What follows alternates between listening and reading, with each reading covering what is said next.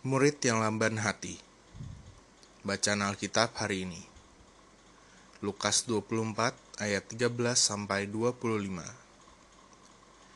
Pada hari itu juga dua orang dari murid-murid Yesus pergi ke sebuah kampung bernama Emmaus yang terletak kira-kira 7 mil jauhnya dari Yerusalem.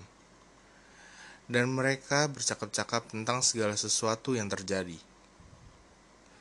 Ketika mereka sedang bercakap-cakap dan bertukar pikiran, Datanglah Yesus sendiri mendekati mereka, lalu berjalan bersama-sama dengan mereka. Tetapi ada sesuatu yang menghalangi mata mereka, sehingga mereka tidak dapat mengenal Dia.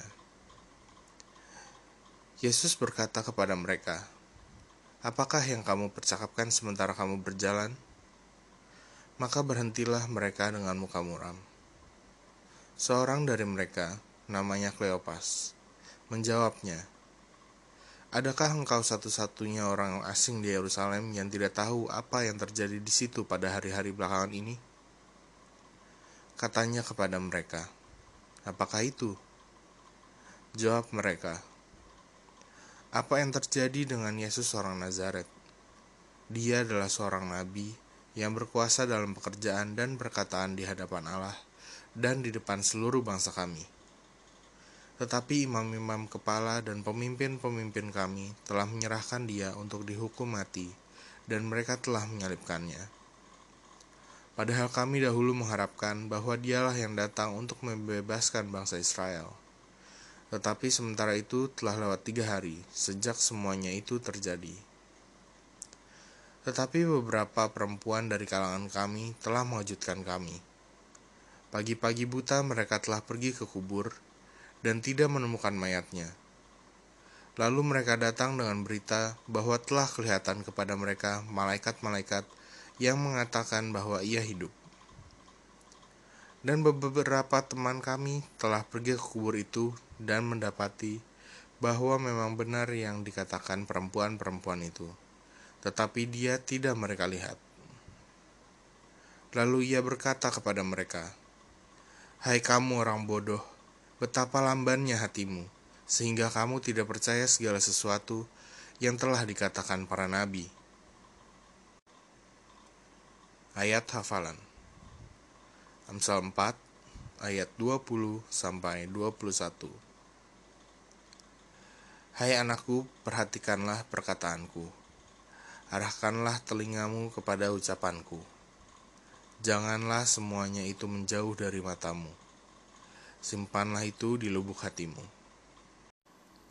Renungan inspirasi Semasa Yesus hidup, ia pernah menegur dua murid tentang kebodohan mereka. Katanya, Hai kamu orang bodoh, betapa lambannya hatimu sehingga kamu tidak percaya segala sesuatu yang telah dikatakan para nabi. Mengapa Yesus berkata demikian? Waktu itu dua murid ini pergi ke Emmaus mereka tidak percaya terhadap berita kebangkitan Yesus, yang bahkan telah disampaikan oleh para perempuan yang pergi ke kubur Yesus. Dalam keadaan yang sedang berduka, mereka tidak menerima kenyataan dan terjebak dengan pemikiran mereka sendiri. Itulah sebabnya Yesus, sebagai orang asing, menghampiri mereka dan mempertanyakan apa yang terjadi. Kedua murid ini pun menceritakan keadaan sebenarnya duka mereka, termasuk di dalamnya harapan mereka yang tidak terwujud, dan akhirnya memaparkan kisah perempuan-perempuan yang tidak menemukan mayat Yesus. Lantas Yesus pun menegur kebodohan mereka karena tidak percaya terhadap apa yang telah dikatakan firman, yang disampaikan para nabi sebelumnya, dan juga pesan Yesus perihal kebangkitannya.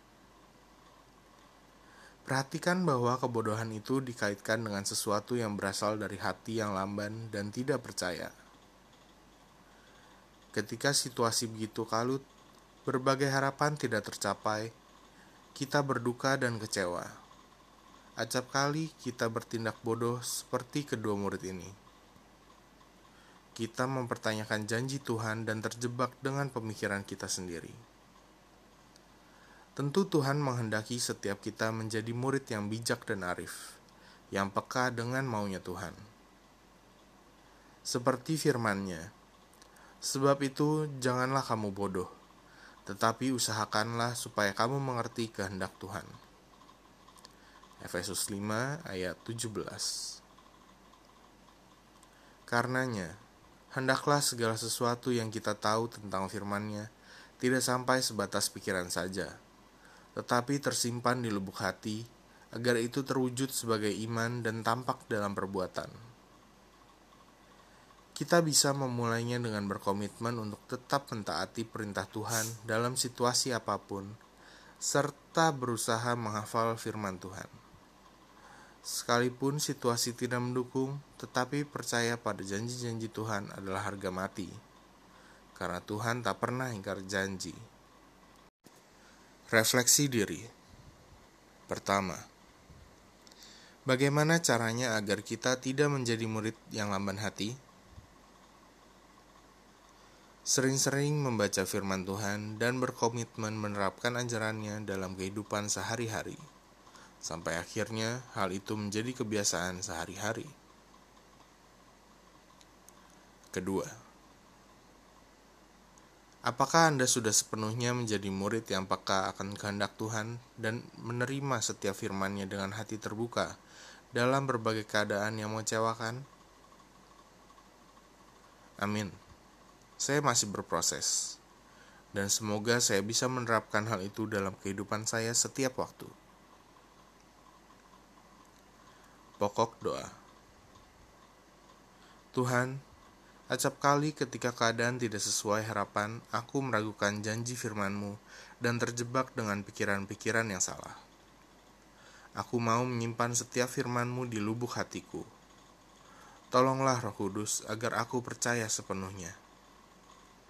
Dalam nama Tuhan Yesus. Amin. Yang harus dilakukan.